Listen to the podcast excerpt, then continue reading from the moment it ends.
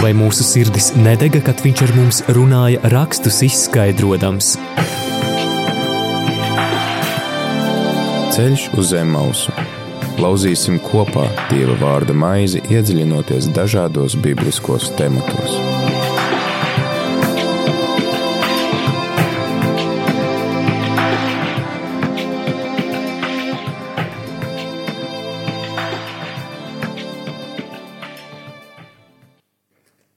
Dargo rādījumu arī Latviju klausītāji. Pūkstens, pūkstens 16. šeit, rādījumā arī Latvijā ēterā raidījums Ceļš uz Emausu. Ar tevi šodien šeit studijā esmu es Līva Kupfere un man viesos ir Latvijas Universitātes profesors Jānis Priede. Labdien! Labdien, Līva! Labdien, klausītāji! Un šodien, šodien šajā Dienā šajā stundā mēs turpinām lasīt izceļošanas grāmatu, izceļošanas grāmatu šodien 14. nodaļu. Nu, varu atzīties, klausītāji, ja tu esi iemīļojis šo raidījumu, tad noteikti esi dzirdējis iepriekšējo epizodi, iepriekšējo raidījumu, un tev noteikti ir vieglāk atrast to, ko es šodien meklēju, proti šo izceļošanas grāmatas 14. nodaļu, un atklāju to, ka, nu, jājautā kādam gudrākam cilvēkam, un jautāju, un izrādās, ka izceļošanas grāmatas 14. nodaļa ir arī otrā mūzus grāmata. Un tad tur vēl ir kāds nosaukums, kur es lūgšu profesoru palīdzēt. Vismaz tajā bībelē, ko es uzšķīru, bija vēl kaut kāds nelatvisks nosaukums. Nu, jā, tas, protams, ir tāds īss zemesvītras piezīmes jautājums par latviešu tulkojumu. Pasaulē jau to anahronistisko nosaukumu pirmā, otrā, tur piektā mūzes grāmata sen vairs nelieto. Nu, latviešu valodā šis nosaukums ir saglabājies zināmā mērā kopš glika laikiem, taču, um, ja, ja skatāmies tajā 66. gadā un pēc tam 90. gados atjaunotajā izdevumā, tur ļoti pareizi ir pievienots uh, vārdiņš iekavās eksodus, kas nozīmē izceļošana. Savukārt, atšķirībā no glīka katoļi šo grāmatu nu, tā arī sauc par izceļošanas grāmatu parasti, proti tas ir tas eksodus. Un uh, to, kurš cipars mūzum ir, Nu, tas parasti ir bijis mazāk svarīgāks, bet jaunajā tulkojumā to nevar atrast. Tā, vai vismaz grūti atrast, ja uh, nemeklē pēc mūzus cipara. Jā, to es tā izbaudīju šodien, gatavojoties raidījumam. Un uh, tad varbūt tas mans jautājums, uh, kāpēc mēs izmantojam visus šīs trīs, uh, šos trīs terminus? Zināmā mērā es teiktu, varbūt tās tas ir uh, Nu, tulkotāju, tulkojumu dažādība, kas vienmēr ir bagātība, bet pasaulē jau, nu, protams, iet uz to vienotību un eksodus, jā, nu, tas ir skaisti, tulko, skaisti iztulkot latviski izceļošana, un tā to arī saprotam saturiski, tā tad tā ir grāmata par izceļošanu, un Grieķija arī to šo grāmatu tā sauca. Tas, ka nosaukums ir ieviesies Mūzus grāmata, zināmā mērā tādēļ, ka visas šīs pirmās piecas grāmatas savulaik piedēvēja mūzumu. Nu, tur ir diezgan daudz par mūzu.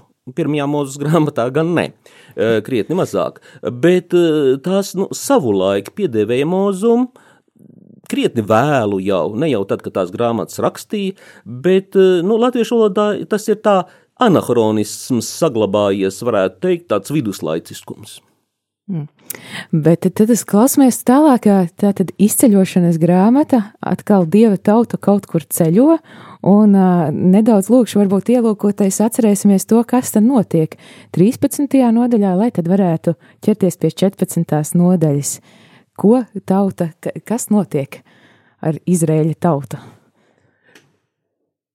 nu, Izraēļa tauta pēc, pēc visām smagajām sodībām, ko piedzīvojuši eģiptieši, kas atteicās izlaist savus vergus, ebrejus no Eģiptes, nu tagad raida, Eģip, raida ebrejus projām, jo nu, tautai Eģipte, eģiptiešiem ir klājies diezgan slikti.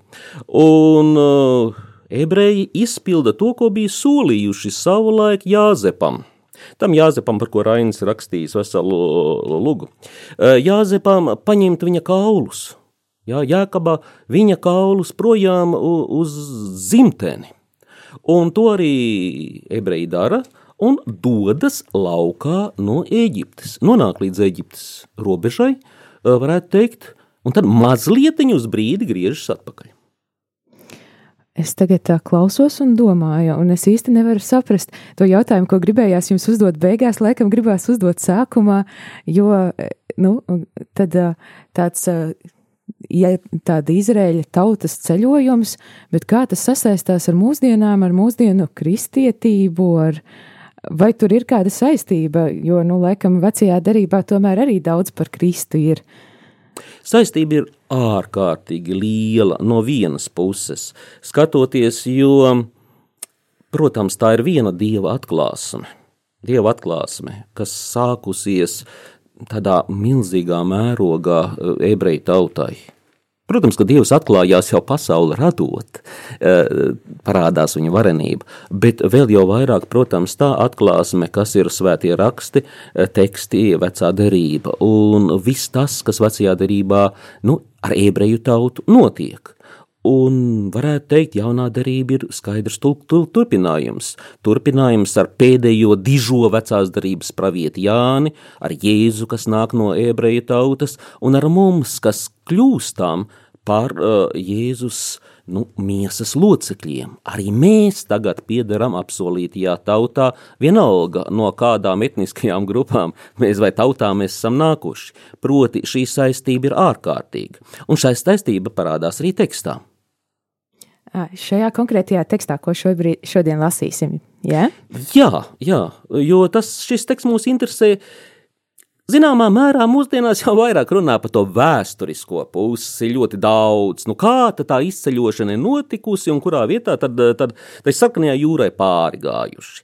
Ja tas vēsturiskais par to noteikti jāparunā, tas vēsturiskais ir, protams, interesants, bet es teiktu, ka tieši šis kristīgais aspekts nu, ir vēl jo būtiskāks. It īpaši tādēļ, ka jau Pāvils mums to norāda, eh, nepieciešamību lasīt un saprast šo izceļošanu, varētu teikt, nu, tādā diezgan pārnestā nozīmē, bet vēl jau vairāk pats Dievs šos visus notikumus, kas ir vecā darība, ir lielā mērā mums devis kā tādu priekštēlu, kā tādu, Nu, es teiktu, kā tādu modelīti. Piemēram, nu, uztaisa lidmašīnas modelīti, pēc tam uztaisa lidmašīnu.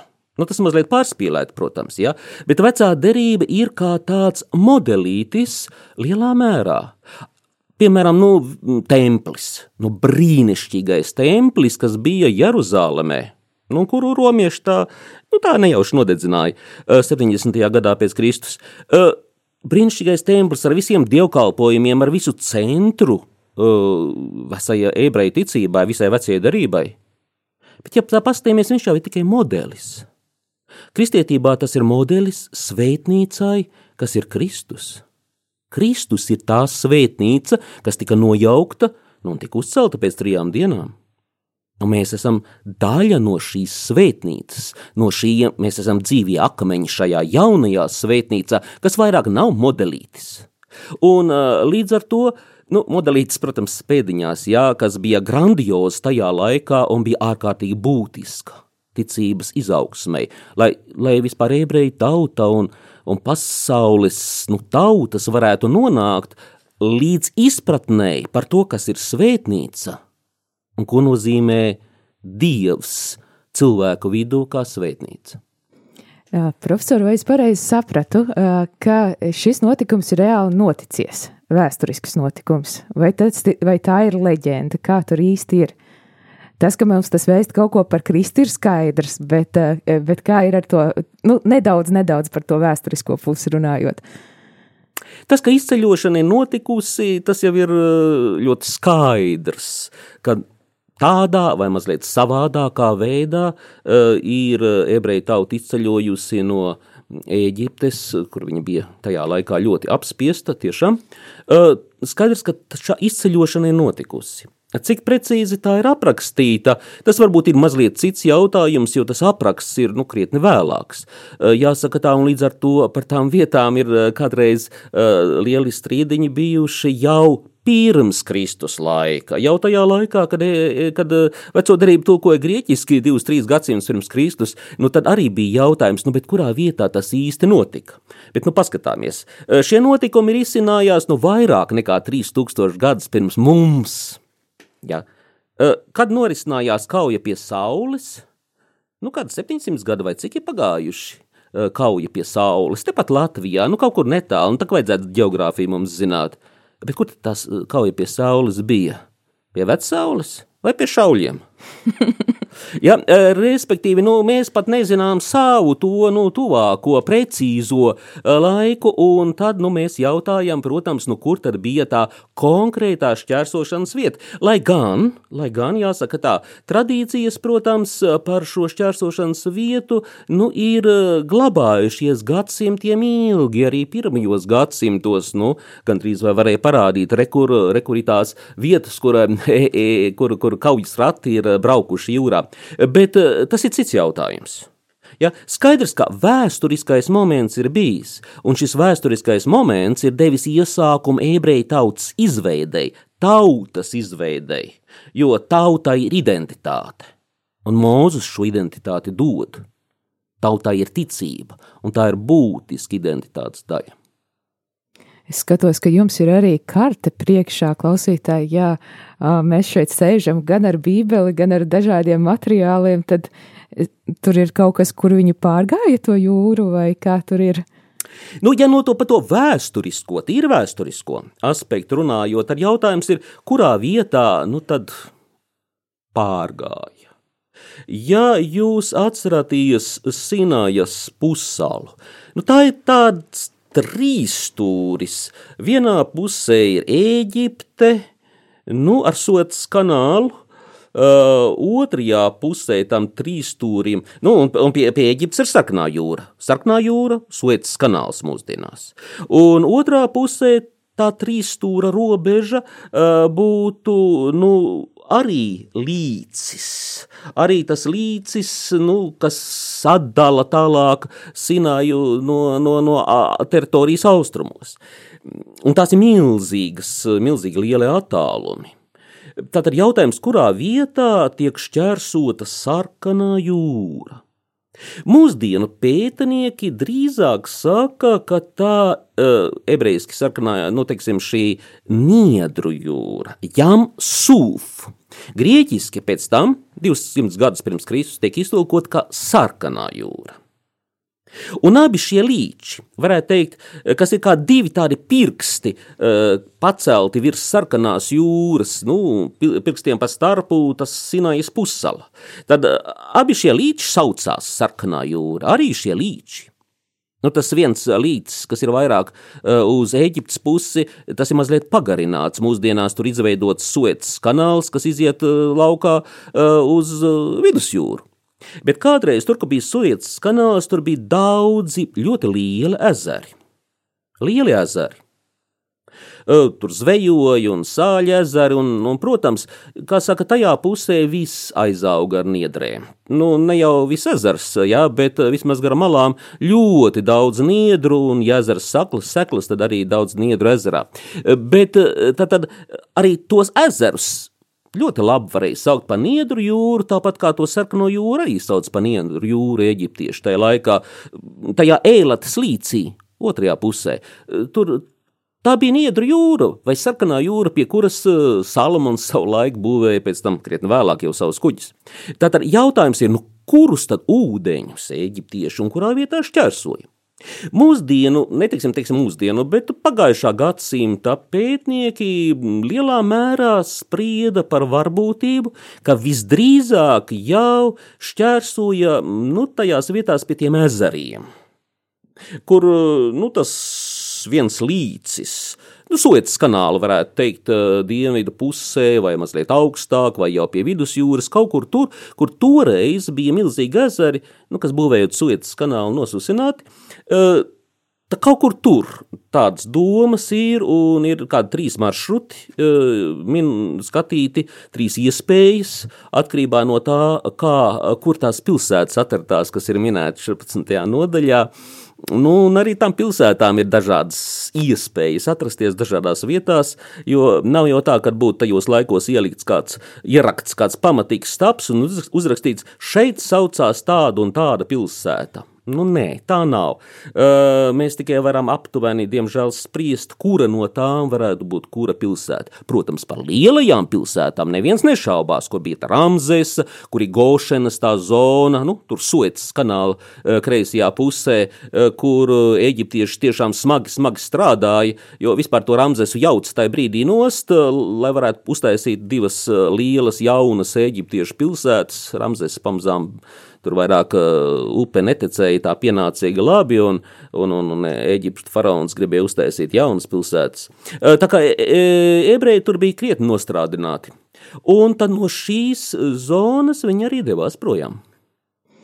Tad dodamies arī mēs, dodamies arī mēs, un es aicinu klausītāju arī tevi atvērt, atvērt otrās mūzes grāmatas 14. nodaļu un kopā ar mums lasīt, eh, lasīt un doties ceļā un meklēt atbildes uz jautājumiem, ko mums saka šī raksta vieta. Un tas kungs runāja uz mūza, saka izrēliešiem, lai tie atgriežas un uzceļ nometni Pihahirotas priekšā, starp Migdolu un jūru, pretī bālu cefonai, tai iepratīm apmetiet, apmetieties pie jūras. Tad faraons sacīs par Izrēla bērniem: Tie ir apmaldījušies tajā zemē, tūkstnesis tos ir ieslēdzis. Es nocietināšu faraona sirdi, un viņš dzīsies viņiem pakaļ, un es pagodināšu sevi faraona un visa viņa karaspēka priekšā, lai eģiptieši atzīst, ka es esmu tas kungs, un tie tā darīja. Un Eģiptes ķēnijam tika paziņots, ka tauta aizbēgusi. Tad faraona un viņa kalpu sirdis pārvērtās pret šo tautu, un tie sacīja: Kāpēc mēs tā darījām, kā atlaidām izrēliešus no vergošanas mums? Un viņš aizjūdza savus ratus un ņēma savus ļaudis līdzi. Viņš ņēma 600 izlasītu kara ratu un citus eģiptiešu ratus un virsniekus pār visiem tiem. Un tas kungs nocietināja faraona Eģiptie, Eģiptes ķēniņa sirdi, ka tas dzinās Izraēļa bērniem pakaļ bet Izraēla bērni izgāja augstas rokas vadīti, un eģiptieši dzinās viņiem pakaļ visi faraona rati, zirgi, jātnieki, karaspēks, un panāca, ka tie bija apmetušies pie jūras, pie Pihahrirotas iepratīm Bāla cefonai.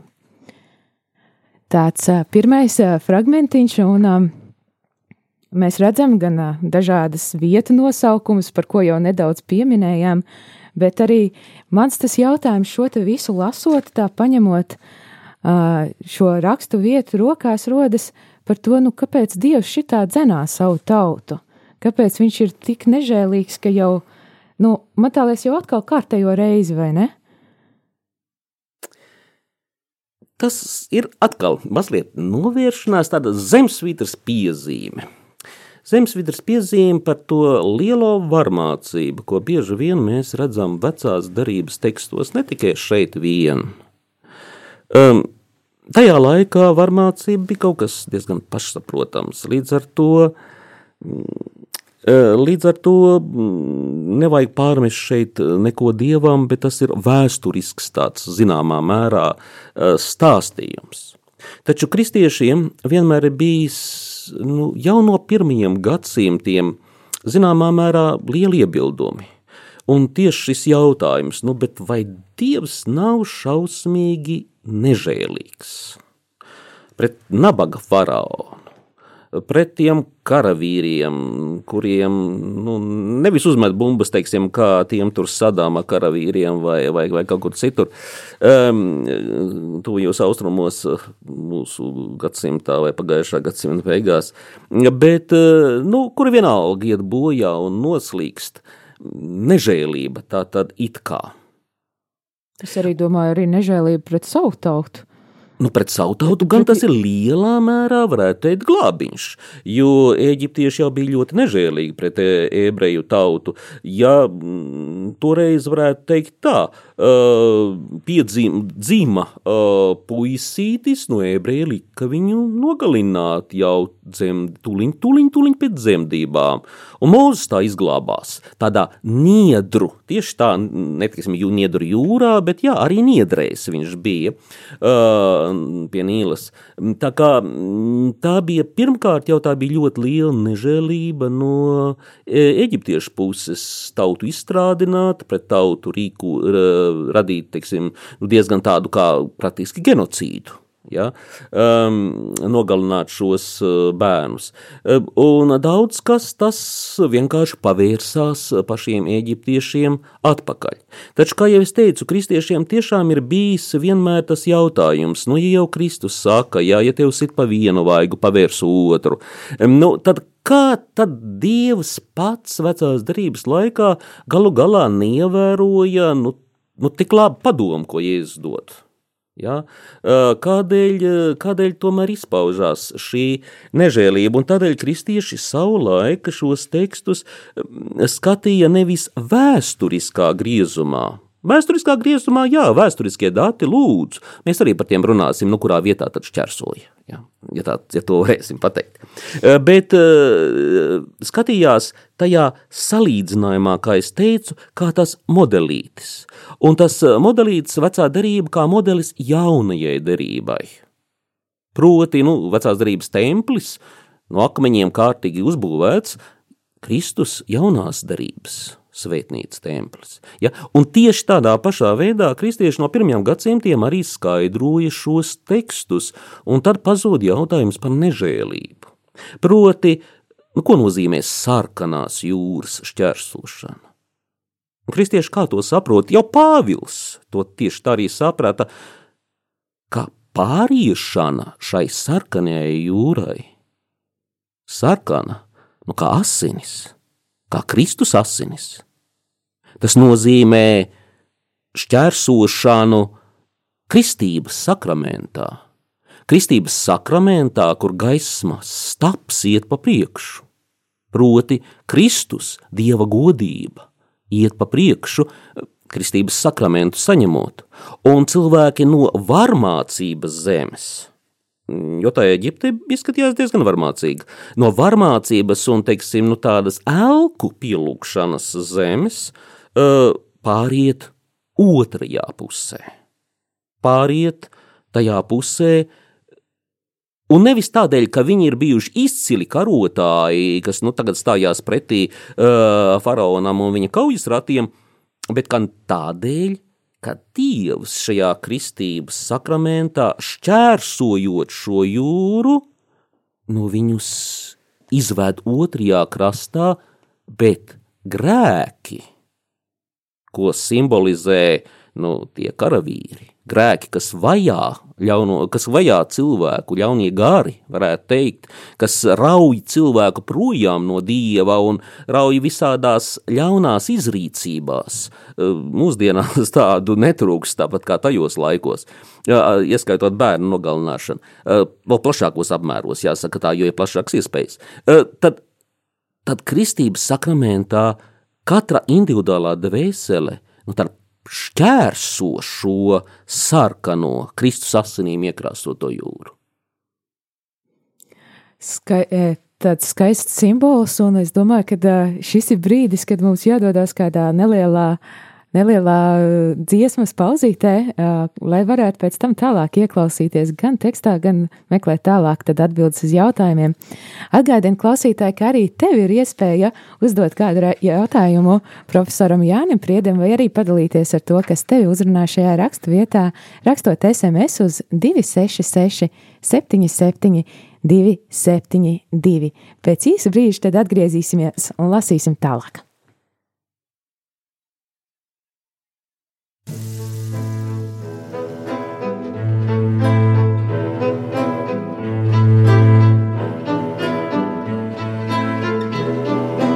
Klausies, Izraēl, klausies un neraudi,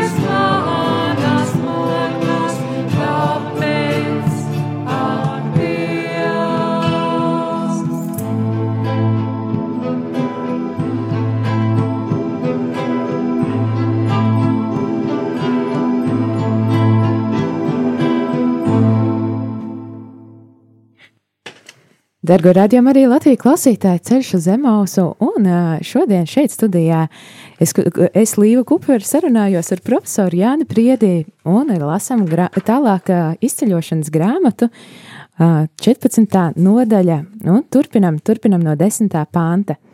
Kad faraons bija tuvu klāt pienācis Izraēļa bērni, pacēla savas acis un redzi, eģiptieši bija cieši aiz viņiem, tad tie ļoti izbijās un brēc uz Dievu, un tie sacīja mūzumu. Vai trūka kapu Eģiptē, ka tu mūs izve, esi izvedis, lai mirstam tuksnesī? Kāpēc tu mums tā esi darījis, izvezdams mūs no Eģiptes?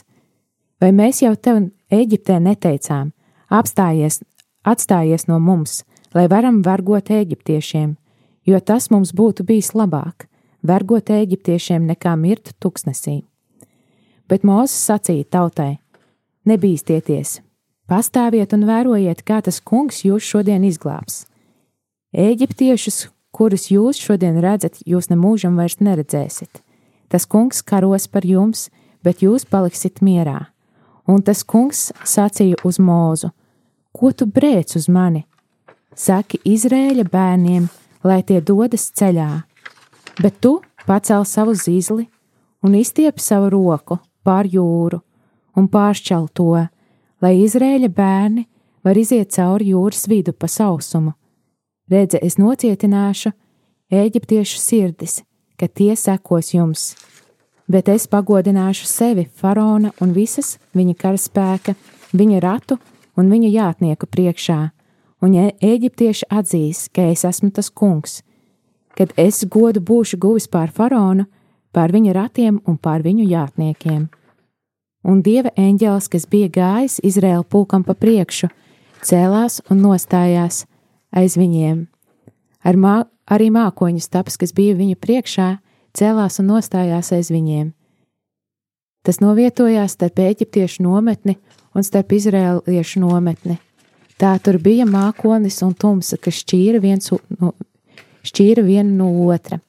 Tad Mozus izstiepa savu roku pār jūru, un tas kungs lika jūrai spēcīgam augstam vējam pušot plūst atpakaļ visu nakti. Viņš darīja jūru par sauzemi, un ūdeņi pāršķēlās. Tā Izrēla bērni iegāja jūras vidū pa sausumu, un ūdeņi tiem bija kā vaļņi, pa labi un pa kreisi, un eģiptieši dzinās viņiem pakaļ, un visi faraona zirgi un viņa rati un viņa jātnieki iegājais viņi, viņiem jūras vidū, un rīta krēslā tas kungs noraudzījās uz eģiptiešu, karaspēku mākoņu un uguns stabā, un eģiptiešu karaspēkā rādā, radās apjukums, un viņš kavēja ratu riteņu griešanos, tā ka tie tikai ar grūtībām tika uz priekšu. Tad eģiptieši sacīja: Labāk bēgsim no izrēlēšiem, jo tas kungs karo par viņiem pret Eģipti, un tas kungs sacīja uz mūzu: Izstiep savu roku pār jūru, lai ūdeņi atgriežas pār eģiptiešiem, pār viņu ratiem un pār viņu jātniekiem. Mozus izstiepa savu roku pār jūru, un jūras ūdeņi atgriezās rīta ausmā savā vietā, un eģiptieši bēga tie, tieši pretīm. Tā tas kungs nogremdēja eģiptieši, eģiptiešus jūras vidū. Tāds uh, spraigs sižeta notikums. Jā, un daudz mākslā attēlots š- kā eģiptieši iet cauri ūdeņiem. Vienā pusē ūdens siena, otrā pusē ūdens siena, un kā kaujas rati viņiem dzenas pakaļ. Ej, Tad mazliet atgriežoties tajā vēsturiskajā pusē, nu, kas tad bija? Tie bija tādi niedraini, Ļoti lieli, protams, ezeri. Noslīgt jau var arī tādā mazā dīķītī, bet eh, tie jau ezeri bija lieli. Nu, tad jautājums, vai tie bija tie lielie ezeri, un kāpēc viņi saukt par jūru? Nu, tur tikpat labi jau mēs varētu pajautāt. Kur tad Jēzus gāja pa ūdeni? Vai tad pa vidusjūru? Nē, viņš gāja pa Galilejas jūru. Un kas bija Galilejas jūra? Nu, kārtīgs ezers. Tā tad tas, ka tādu milzīgu ezeru sauc par jūru, um, tas uh, tur nebūtu problēma. Varētu teikt, ka tiešām tas varēja būt, tie varēja būt, ko viņi šķērsoja kādu no tiem um, ezeriem starp šo līci un vidusjūru. Taču tikpat labi tie varēja būt kādus simtus kilometrus zemāk jau tur, kur sarkanās jūras līcis sākās. Un daži pētījumi pirms gadiem Nepilniem pieciem praktiski tādi nopietni zinātniski pētījumi, mēģinot aprēķinot, aprēķināt uh, vēja spēku un, un tā tālāk, uh, kas ir nepieciešams, un cik ilgi tad būtu tādām spēcīgām vējām jāpūš, nu tādām vējām, kurā tomēr cilvēki var pārvietoties. Uh, un tā tālāk tie pētījumi bija ļoti interesanti, tā pierādot, ka īstenībā ir tāda, tāda vieta arī sarkanās jūras, tur ne, nepārāk tālu no šī līča sākuma, tur, kur, tur, kur Suets kanāls sākās, varētu teikt, bet kur vēl nav tā, protams, tā milzīgā sarkanā jūra, tas vēl ir tikai līdzs. Bet tā ir tāda vieta, jā, kura faraons tiešām varētu uzskatīt, ka nu, šeit viņi ir zināmā mērā iesprostoti un vairāk, kur sprukt viņiem nav.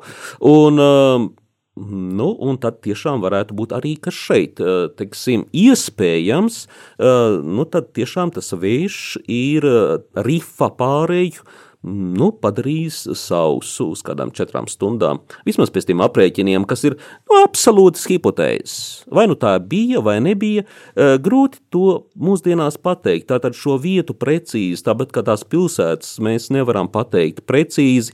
Aptuveni, jā, nu, cik tad kilometri, tur 25 vai 100 gājumā no Gošēnas, tas kā kurš posms viņiem bija, to mēs varam pētīt. Taču, nu, to vēsturisko, ja to mēs varam mierīgi atstāt malā un skatīties to, kā tradīcijas saglabā jau. Jau, jau vecās drības laikā, kā viņas saglabā šo ārkārtīgo, nu, varētu teikt, tiešām brīnumu. Jo nav tā, ka katru dienu, nu, tur līcītī pēkšņi sāk pūst tāds vējš, ka, nu, sausām kājām var dot pārdoties pāri, tad jau prāmis nevajadzētu. Uh, nu jā, tā kā tāds dieva varenības brīnums, brīnums uh, ir ebreju vēsturē stāstīts no paudzes paudzē. Un acīm redzot, ka pamatīga vēsturiska nu, izcelsme šim stāstam ir. Ja? Bet cik precīzi tas ir nonācis līdz mūsdienām, tas ir jautājums. Taču tā interpretācija, ko es teicu, tā kristīgā interpretācija, tā ir tā, kas kristiešiem ir visbūtiskākā. Visbūtiskākā, un tad jau jāsāk skatīties. Man patīk tas salīdzinājums par to, ka visa Bībele, arī vecā derība, ir dieva mīlestības vēstule mums, un tāds, teikšu, vadlīnijas, kā tad runāt ar Dievu, un godīgi atzīšos rakstot, nu, lasot šo, šo nodaļu, man radās daudzi jautājumi. Tur Dievs tā kā pārmet cilvēku, nu, Izraēļa tauta ir izmisumā, viņi brēc pret Dievu, tad viņš pārmet, nu, pārmet pat ne tikai, pārmet ne tautai, bet mūzumu. Nu, es nesaprotu, kā, kā, kāpēc, kāpēc Dievs tik skarbi pret to savu tautu. Man liekas, tā diezgan skarbi. Jāsaka tā, šeit ļoti labi atklājās tas divējādais aspekts, kas Dievam piemīt. Proti, Dievs ir absolūti taisnīgs un, un pret tiem, kas savā sirdī cenšas būt labi, viņš ir ārkārtīgi labs. Savukārt pret tiem, kas necenšas būt labi, bet cenšas īstenībā būt ļauni, uh, Dievs ir bargs un nežēlīgs. Ja tā no cilvēka viedokļa skatoties, galu galā, nu tad uh, tie nabaga karavīri iet bojā. Uh, taču š, Dievs iet tautai pa priekšu, varētu teikt, gaismas tā veidā. Viņš apgaismo ceļu, un viņš ir kā tumsas mākonis tiem, nu, kas nevēlas iet šo ceļu, bet grib vajāt, grib uzgrupt, uzbrukt, grib plosīt tautu. Respektīvi, tur ir, un gan pret eģiptiešiem parādās šis dieva divējādais aspekts, varētu teikt, gan pret, gan pret ebrejiem. Viņi labprāt galu galā, nu, pēc tiem gariem pārgājieniem, pēc tām mokām šķērsojot, varētu teikt, kaut vai ar sausām kājām, nāvis, šķērsojot sausām kājām sarkano jūru vai niedru jūru, vienalga, kā to mēs saucam, viņi, nu, viņas, viņi labāk jau iet dotos atpakaļ nu, uz tos savām verdzības vietām, kā nekā laba lauksaimniecības zeme, tur var paēst, tur ir, tur ir viss, kas nepieciešamais tādai, tādai dzīvītei, nu, un, un jā, nu, kāpēc tam mums būtu jāiet tālāk? Un tas īstenībā parāda arī, godīgi sakot, tā paskatoties, nu tad mūsu kristiešu stāvokli, vai mēs uh, esam uzticīgi saviem kristības solījumiem mēs pārgājām, mēs pārgājām, jā, šai nāvis jūrai kristības sakramentā, bet vai tā mēs neskatāmies atpakaļ uz tiem labumiem, nu, tad būtu labāk pie tā faraona tomēr. Nu, ļauns viņš ir, bet, nu, tomēr es devu. Um, nu, jā, uh, tā ir tāda atkāpe, taču paskatoties uz to saukšanu, nu, tur ir, jāsaka tā, pirmie kristieši arī rūpīgi lasīja šo tekstu un, un skatījās, bet uh, Dievs pārmet mūzumu, uh, ka mūzis esot, nu, tā breids, nu, tas ir latviešu tulkojums, īstenībā skaļi, skaļi saucis varbūt vai saucis, bet kur tad viņš sauca? Ja mēs palasām iepriekš kādas rindiņas, mūzus nevienu vārdu tur nesaka. Ja? Tauta ir tā, kas nu, ir mazliet pukojās. Un no vienas puses mēs te varam saskatīt divas, es teiktu, tādas um, lietas.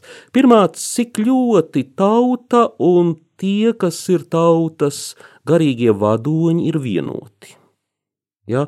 Tātad tauta sauc, un Dievs saka, nu tad mūzum, ko tad tu skaļi sauc? Ja?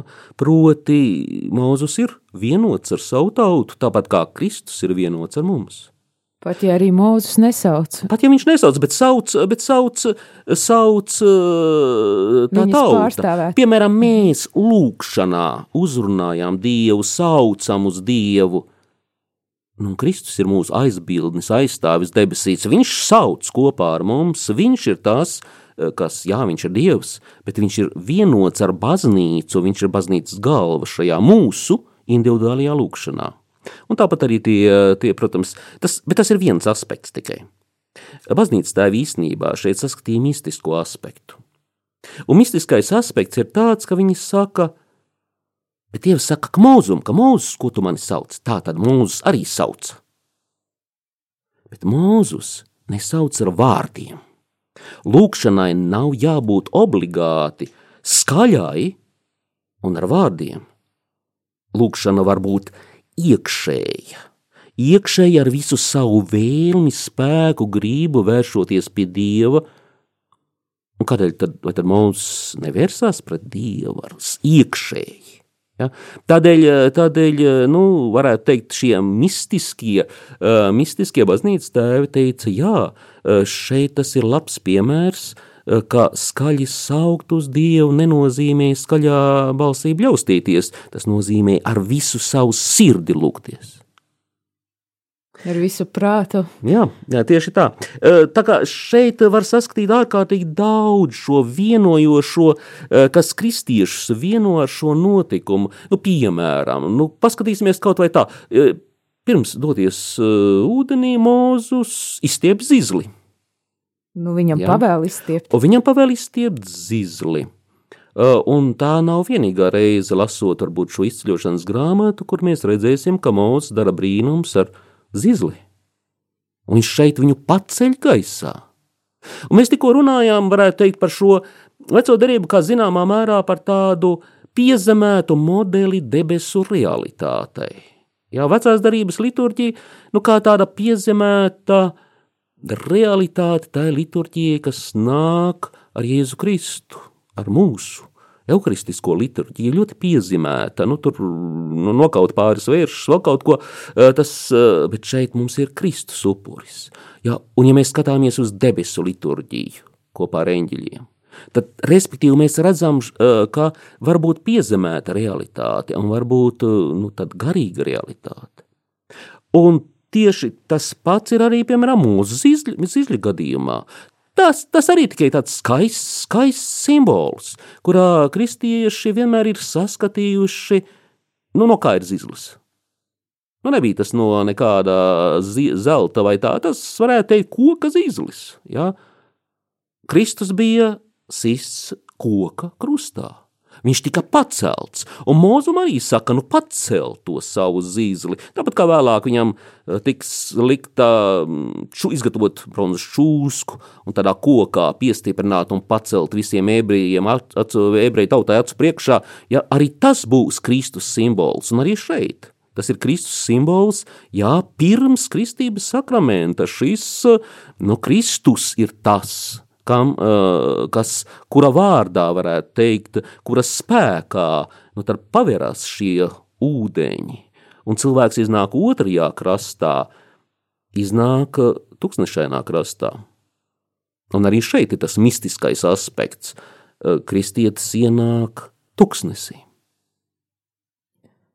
Man liekas, tāds nu, tīri cilvēciski, tāda liela vilšanās. Tu izēji cauri jūrai, un tad pēkšņi atkal kaut kādi sarežģījumi. Vilšanās, jā, bet no otras puses, tā vajadzēja šausmīgi priecāties. Jā, un, un kur nu vēl vairāk, ja var redzēt tos izskalotos ienaidniekus, kuri noslīka, bet Bet Dievs mūs izglāba, varētu teikt, ebrejiem būtu par to jāpriecājās. Bet, nu, nu te ir jautājums. Tālāk, uh, tālāk jau būs, būs tas, vai ne, skaistā dziesma, uh, bet uh, šī dziesma par, jā, par, šo, par šo jūras ķersošanu, bet, uh, bet no otras puses ir vienmēr šī tieksme, nu, bet bija labāk, ja es toreiz, ka es tā kārtīgi grēkoju, vai tad nebija patīkamāk. Man liekas, ka kristiešiem ir vienmēr tāds zināms vilinājums. Jā, nu gribās skatīties atpakaļ, ne? Gribās uh, ne, iet, nu, tur nebija daudz, kur skatīties atpakaļ. Tur eģiptieši dzinās pakaļ, viņus dzina uz priekšu, laikam jau tāpēc arī, arī Dievs bija tik nežēlīgi bargs. nu, nu jā, bet ja mēs skatāmies, ko darīja kristieši, kad viņi lasīja veco darību, jā, pirmo gadsimtu, viņi vienmēr salīdzināja jauno un veco darību. Mm. Viņi, piemēram, salīdzināja šo notikumu jūras ķersošanu, ka jā, Mūzes liek, nu, varētu teikt, paceļ šo zizli un sausām kājām var iet caur ūdeni. Sausām kājām tas nozīmē tā kārtīgi ejot pa zemi, vai ne? Nu, jā, brīnums jau ir, protams, ka tas ūdens ir tās sadalījies. Pastāmies uz jauno derību, Jēzus iet pa ūdeni un vēl saka Pēterim, lai viņš nāk pie ūdeni par viņu, un Pēters iet pa ūdeni. Ja? Nu, tad jāsaka tā, mazliet lielāks brīnums tomēr ir iet pa ūdeni, nekā iet pa, nu, pa jūras dībēnu, tā kā ūdens ir mazliet pabīdies uz sāniem. Uh, šeit arī var teikt vienmēr vilkt šīs paralēlis, saskatot, saskatot šo līdzību. Ja, piemēram, Mūzus un Pēteris, piemēram, ja, vai tikpat labi Mūzus reizēm un Jēzus. Ja, ja tā pārdomājot, lasot šo svētos rakstus, mēs no vienas puses skatāmies tajā vēsturiskajā aspektā, cik tālu tas ir iespējams šiem senajiem notikumiem. Kad mēs tuvosimies jau Dāvida laikam, tas būs daudz skaidrāk, to bija galma vēsturnieki, kas daudz ko pierakstīja. Ja? Kad mēs tuvosimies eh, evaņģīlijam, nu taču vai dieniņ acu liecinieki un lūka vēl aptaujā visus, kas ir nu, to redzējuši. Ja? Bet eh, bet izceļošanas gadījums šeit ir tas stāsts, kas tiek stāstīts ebreju tautā no paudzes paudzē, Un tagad ir jautājums, kā to saprast. Jā, vai tas bija nežēlīgi vai ne, ka faraons gāja bojā vai negāja bojā. Uh, bet, jāsaka, tā, kādēļ faraons neatgriezās? Kāpēc viņam bija nocietināta sirds? Nu, jāsaka, tā, uh, pirmie kristieši teica, tā, uh, un tas nav nepareizi. Jā, bet nu, tā ir tāda, varētu teikt, garīga atbilde. Viņa teica, faraons rīkojās pārāk ļauni. Viņš pārāk aizrāvās ar to savu eģiptisko algadievību, bet viņš bija tik ārkārtīgi ļauni, nu, varētu teikt, noskaņots pret dievu, noskaņots pret īsto dievu, noskaņots, ka viņš nebija cienīgs saņemt tādu īpašu žēlastību. Un viņš izmantoja faraons savu brīvo gribu darīt ļaunu. Dievs nelauž neviena cilvēka brīvo gribu, respektīvi viņš vienkārši nesaņēma to, nu varētu teikt, ārkārtīgo žēlastību, lai gan, lai gan tā jau bija žēlastība redzēt brīnumus, un vienalga rīkojās viņš nepareizi. Un viņš pat atzina, ka tas ir brīnums. Jā, šeit arī jā. Un vienalga, un vienalga. Respektīvi, tādēļ līdz ar to tas um, skatījums, nu, tas simboliskais lasījums, saskatot faraonā, nu, teiksim, paša ļaunā gara valdnieka tēlu un savukārt tajos karavīros visus tos kārdinājumus. Uh, un visdažādākie, tā jau nav tikai bagātība vien vai, vai, vai, vai kaut kāda atsukārība vien, tas ir ļoti daudz, ar ko mūsdienu cilvēks, jeb, vai cilvēks jebkurā laikā saskarās, un kas vajā, vajā kristieti, ja viņš grib tikt laukā no tās savas glāzītes, vai no savas, nu vienalga kā, no kā viņš grib izrāpties, nu, nu tad viņu vajā, jā. Un tad ir nepieciešama tiešām šī ārkārtīgā palīdzība, šī jūras šķērsošana, nu, šī gaismas staba vadībā, kas ir Kristus.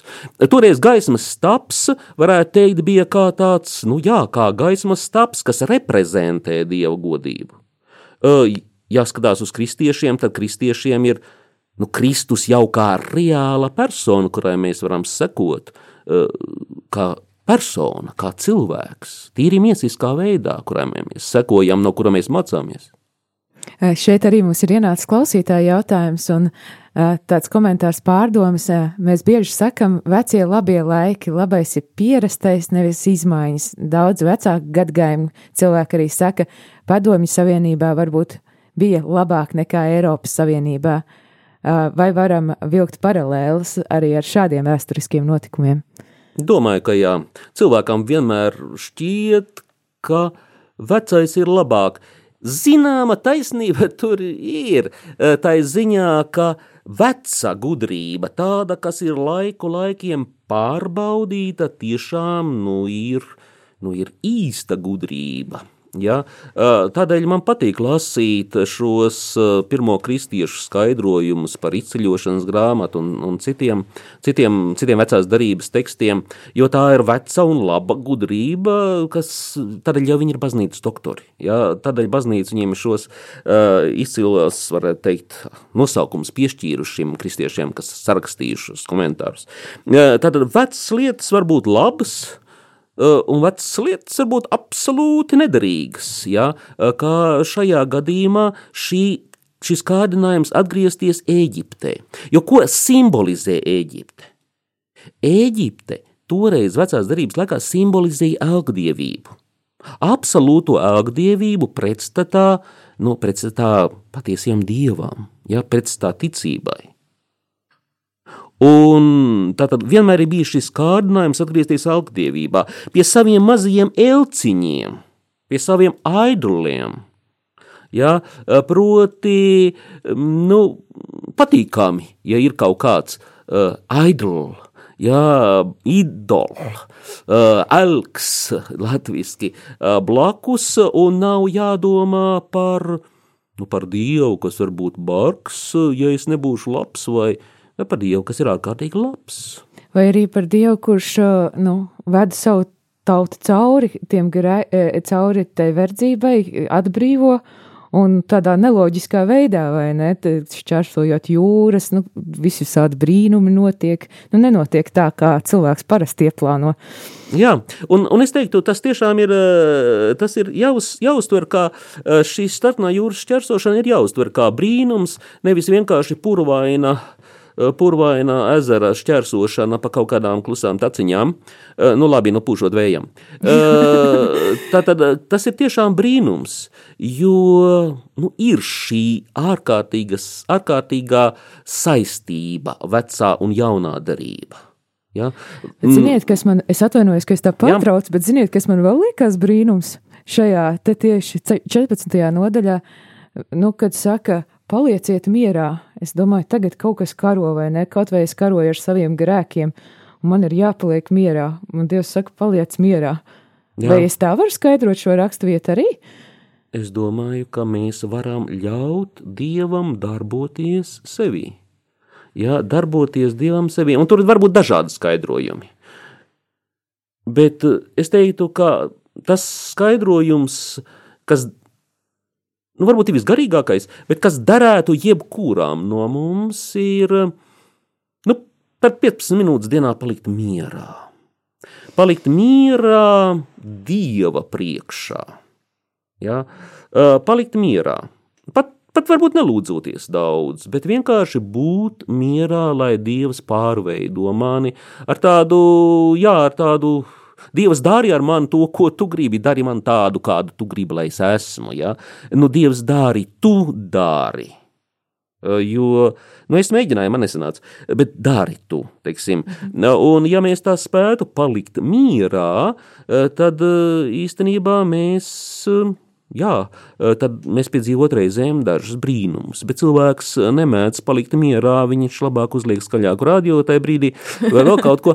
Uh, Bet kā tas jau ir viens mazs solīts, bet tas ir tāds garīgs skaidrojums. Ja? No otras puses, ja skatās tā vienkāršāk, nu tad aicinājums palikt, paliec mierā tiešām ir tāds labs aicinājums. Nu tad paskaties, kā notiek, kā realizējas brīnums. Ja? Un, un arī mēs galu galā esam aicināti pastīties, kā realizējas brīnums, kad cilvēks top līdzīgs Jēzum. Kā Augustīns teica, nu, kristieti, topi par to, kas tu esi. Proti, mums ir jātop līdzīgam dieva attēlam. Nu, tad tas ir tas brīnums, kas var notikt tad, ja mēs paliekam uz brītiņu mierā un ļaujam dievam ar mums kaut ko darīt. Ja mūsu laiks jau strauji ir tuvojas noslēgumam, un uh, izceļošanas uh, grāmatas arī pēdējie uh, 14. nodaļas pēdējie panti, tad stāsta par varenību, par dievu varenību un viņa varenījiem darbiem. Un Izraeli, kurš, kurš uh, tiek atbrīvots, uh, tad kāds būtu jūsu novēlējums mums visiem, lasot šo, šo, šo rakstu vietu, ko paņemt līdzi sev ikdienas dzīvēm?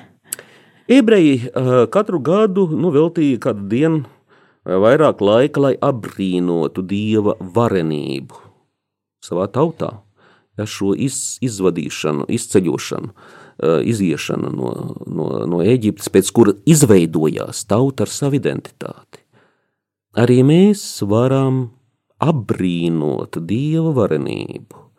Gan tajā mūsu identitātē, kristīgajā, bet pietiek, ja mēs tajās klusuma brīžos aplūkosim to dievu varenību, gan pasaules radīšanā, gan visuma plašumā, gan tādos, nu, tādos sīkumos, varētu teikt, kā sarkanās jūras šķērsošana, uh, kas ir tautai tik ļoti būtiska ebreju tautai, bet Dievu priekšā tomēr Tomēr tikai viens mirklis, ja, un apbrīno to, tas brīnišķīgās lietas, ko Dievs darīs ar mani, radīs manu dvēseli. No nekā radīs manu dvēseli, vai tas nav brīnišķīgi, mana esamība? Tad apbrīnot Dieva varenos darbus, gan tajā tekstā, pārdomājot, gan visā tajā, kas ir ap mums. Paldies liels par skaisto novēlējumu, un klausītāji, paldies tev liels par klausīšanos šodien. Ceļš uz Zemausu. e, Turpinājām ar otro mūzes grāmatas 14. nodaļu. Ceru, ka tu arī paņēmi šo ceļa vārdu, tad kopīgi meklējam Dievu brīnums. Lai tas skaists šis vakars! Uz tikšanos!